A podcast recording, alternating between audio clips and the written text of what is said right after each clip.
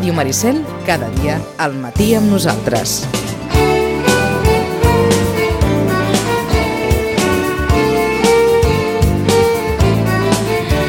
Són les 10. Home, no sé si l'hem acabat de despertar, però vaja, No, fa estona que estic despert. fa estona. A veure, torna aquesta veu, a veure. Fa estona que estic despert. Una Sí, ara, ara, ha sonat, ara ha sonat més despert, això, eh? Ah, No, el perquè era la primera vegada que obria la boca. El refredat és excusa. Refredat és excusa.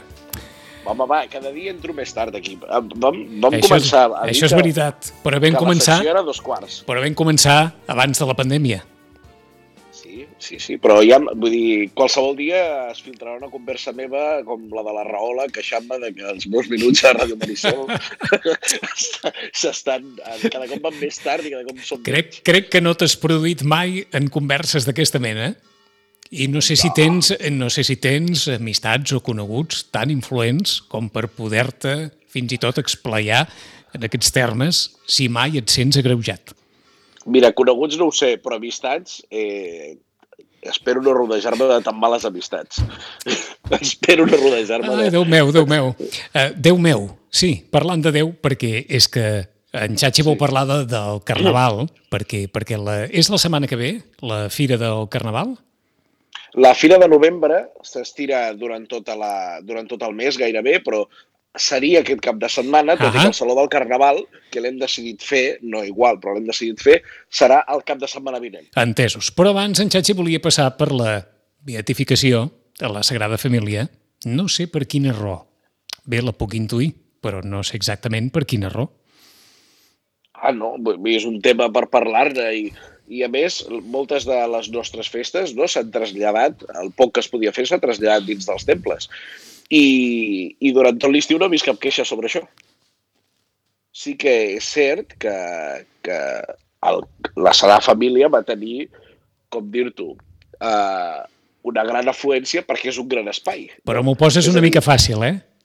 Ja, doncs, doncs fes-ho fàcil. Home, perquè durant tot l'estiu la restauració i l'hostaleria està oberta.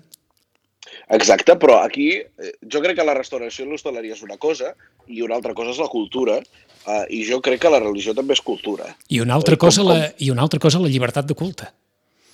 I la llibertat de culte, però la llibertat de culte potser és un dret individual i no col·lectiu. És que és el que pensava jo, quan la consellera Vergés assenyalava que la llibertat de culte no es podia prohibir, pensava, home, no sé si té massa a veure la llibertat de culte amb què es pugui desenvolupar la llibertat de culte en una església oberta o no. La llibertat de culte es pot, vaja, en fi, Sí, sí, es, estic es, totalment pot, es pot fer qualsevol, qualsevol persona, pot, pot, eh, pot resar i pot exercir la seva llibertat individual en aquest aspecte qualsevol indret. Home, millor en una església, si un, no, d'això, però en qualsevol cas no és, no és, eh, en fi, no és una condició sine qua non.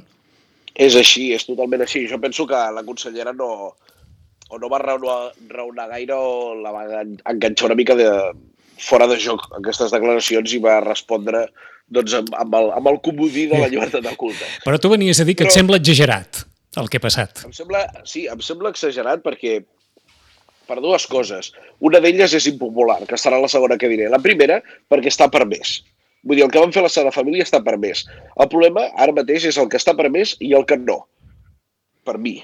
És a dir, ara mateix està prohibit tenir un, un negoci de restauració i obrir-lo, no? I, i, i, i tenir taules, cadires, que la gent segui. Ara mateix està prohibit fer una representació teatral, fer un concert, en públic, òbviament. Tot això està prohibit, no es pot fer. Però, en canvi, el que es va fer a la Sagrada Família està permès. El problema no és el que es va fer a la Sagrada Família. El problema és que els altres no ho puguin fer. És a dir, per, per, per ensalçar una cosa no cal eh, desprestigiar l'altra.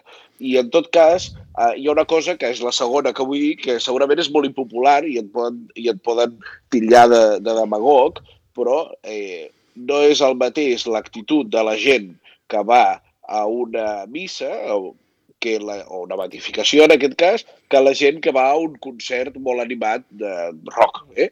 Jo ho sé que és molt difícil mesurar això i això és impossible de convertir en llei, no? en, en, en regla.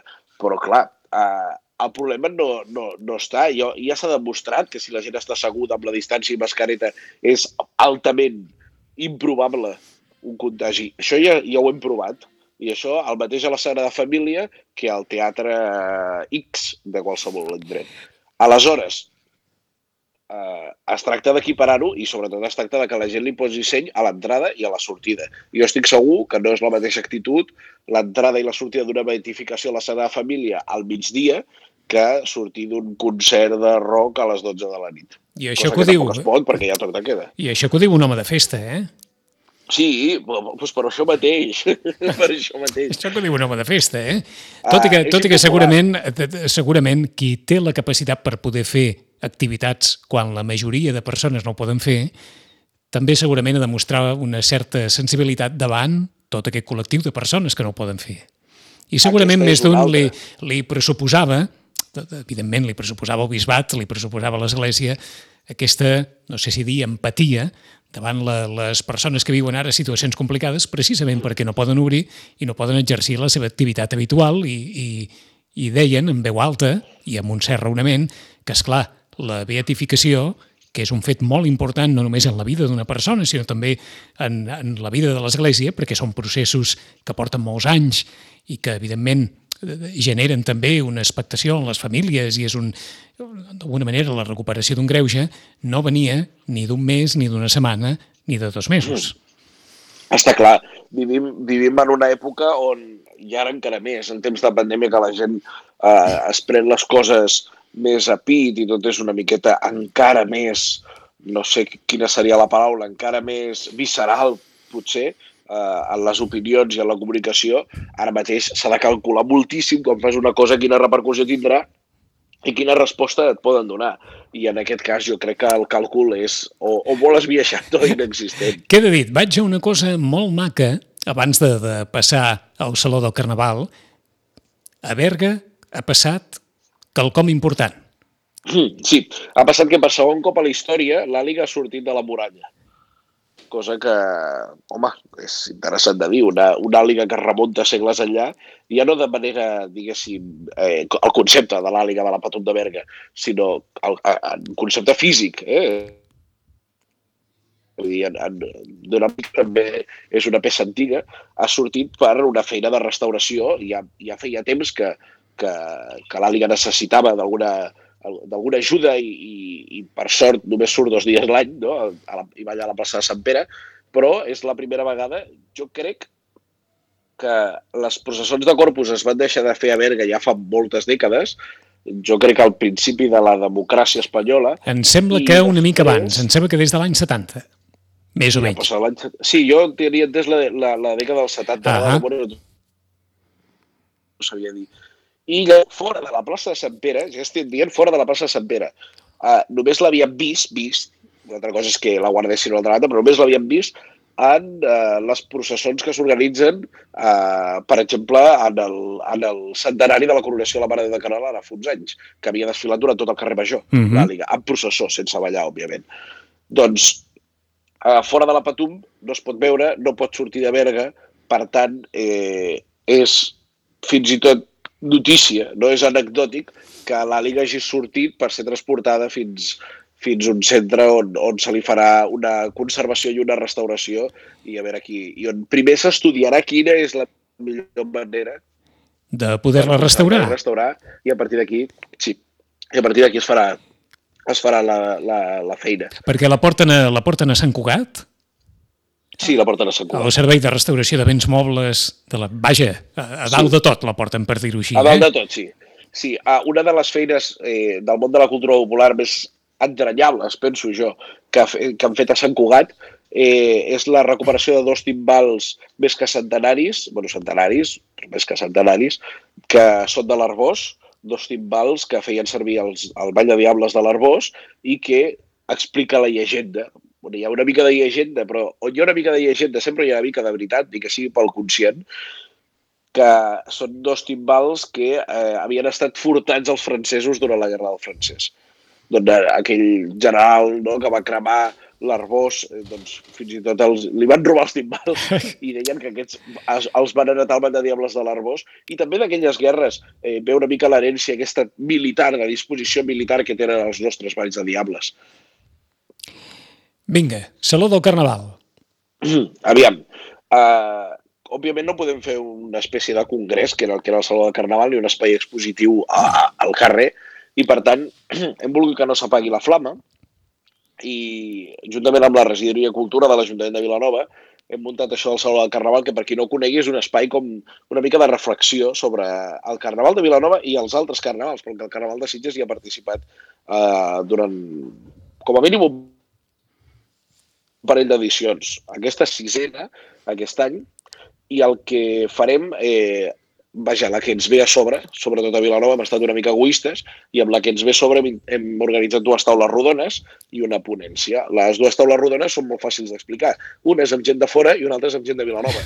Gent de fora, que ja ha passat el tràngol de que la seva gran festa s'ha hagut d'adaptar, eh, estem parlant d'un tarragoní que treballa a Valls, una vilafranquina i un igualadí, que més s'han donat condicions molt diferents en tots aquests municipis, són el Jordi Bertran, la Foix i el Daniel Vilarrubias, i a més ja des de la festa i que més coneix el Carnaval de Vilanova i d'altra banda hi ha una altra taula rodona eh, amb gent de Vilanova, tots expresidents de la FAC, encara que ells sempre... Hi ha alguns que defensen que president és com la Generalitat, president de la FAC, que dura tota la vida, per tant se'ls ha de dir president, i tracta de molt honorable.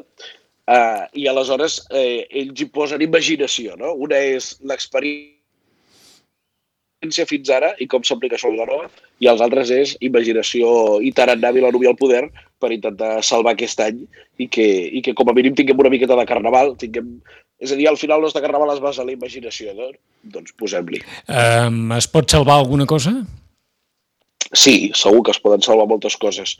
A Sitges estic segur que també es poden salvar moltes coses. I fins i tot a Sitges es pot donar allò que ha passat en algunes festes majors, i és que coses que són troncals del carnaval sitgetà, que potser no està tan ritualitzat com el nostre, però déu nhi però déu nhi eh, poden prendre més protagonisme del que tenien. M'imagino que, per exemple, el predicot es pot fer perfectament i tenir, i tenir cert protagonisme que altres anys potser passa més desapercebut. Uh, per exemple. D'altra banda, uh, nosaltres també hem volgut fer una ponència que la fa l'historiador Xavier López, que és vilanoví, que estudiarà eh, com el Carnaval ha passat temps difícils. I quan parlem temps difícils, parlem des de guerres, eh, epidèmies, pandèmies, eh, crisis econòmiques, i farà tota una ponència sobre això. I tot això, doncs, com ho farem? Via YouTube. Eh, S'està treballant aquests dies perquè s'emeti via YouTube i també la, la televisió Canal Blau ho, ho passarà.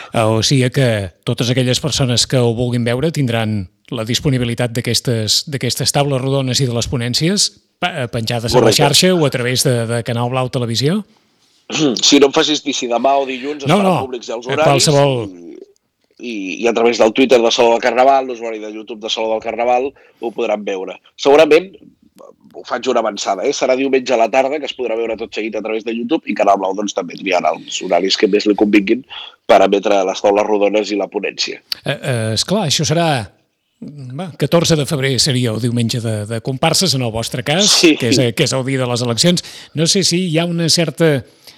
Eh, en fi, hi ha un, hi ha un cert esperit de moral o hi ha una sensació de, de tragèdia que es viu que no es podrà salvar de, de cap manera? Hi ha, un punt, hi ha un punt tràgic, hi ha un punt tràgic que no hi havia per festa major, penso, o, o que hi havia en menor escala. I d'altra banda, eh, hi ha un punt de, que passi Nadal i ens hi posem. Ja. Yeah. No? Hi ha un punt de... Vaja, jo crec personalment, ens hi posem a, a salvar això, a tenir idees, i després penso que que les eleccions siguin el dia del diumenge de comparses facilita una mica l'expressió al carrer, potser. És a dir, uh, si les eleccions haguessin estat diumenge de comparses i hagués estat un any normal, crec que la participació a Vilanova s'hagués notat eh, si no hagués funcionat bé el vot per correu. Participació massiva per correu i participació molt fluixa eh, a, les, a les meses. Eh, està clar. Després, molta gent fugitius si els hi toca ser, si els hi toca estar en una mesa. I la policia hagués necessitat efectius per buscar els fugitius i perquè a més és una festa que dura tot el dia, no? Que sí que en un moment et pots escapar a votar, però, però no ve gaire de gust. Ah, és un dia que, que vols tenir altres preocupacions. I, I, per tant, molta gent ha dit la frase de home, si algun any havien de ser les eleccions el diumenge de comparses, que fos aquest. perquè a més tindrem la... Segur, segur, segur que tothom va votar vestit de comparser i de comparsera. A veure què passa l'any que ve. De moment, aquest cap de setmana, a través de les xarxes, a través de YouTube i de Canal Blau, les ponències del Saló de Carnaval, les taules rodones del Saló de Carnaval, que tot Que com seguit sempre- Sí? Vaja, no és mèrit nostre, és mèrit de la gent que xerra, perquè no és mèrit dels organitzadors, com a molt la tria, però la gent hi posa molt bones idees i, i trobo que sempre hi ha nivell en aquestes taules rodones, cosa que satisfà molt, no? que ja que organitzes eh, doni fruits. La gent que xerra té prou trajectòria, com per Tant, ser escoltada per amb molt interès. Eh? En això, per 15 això. dies hi tornem a ser. Xachi, gràcies. A veure Una abraçada. Una abraçada. Fins la propera.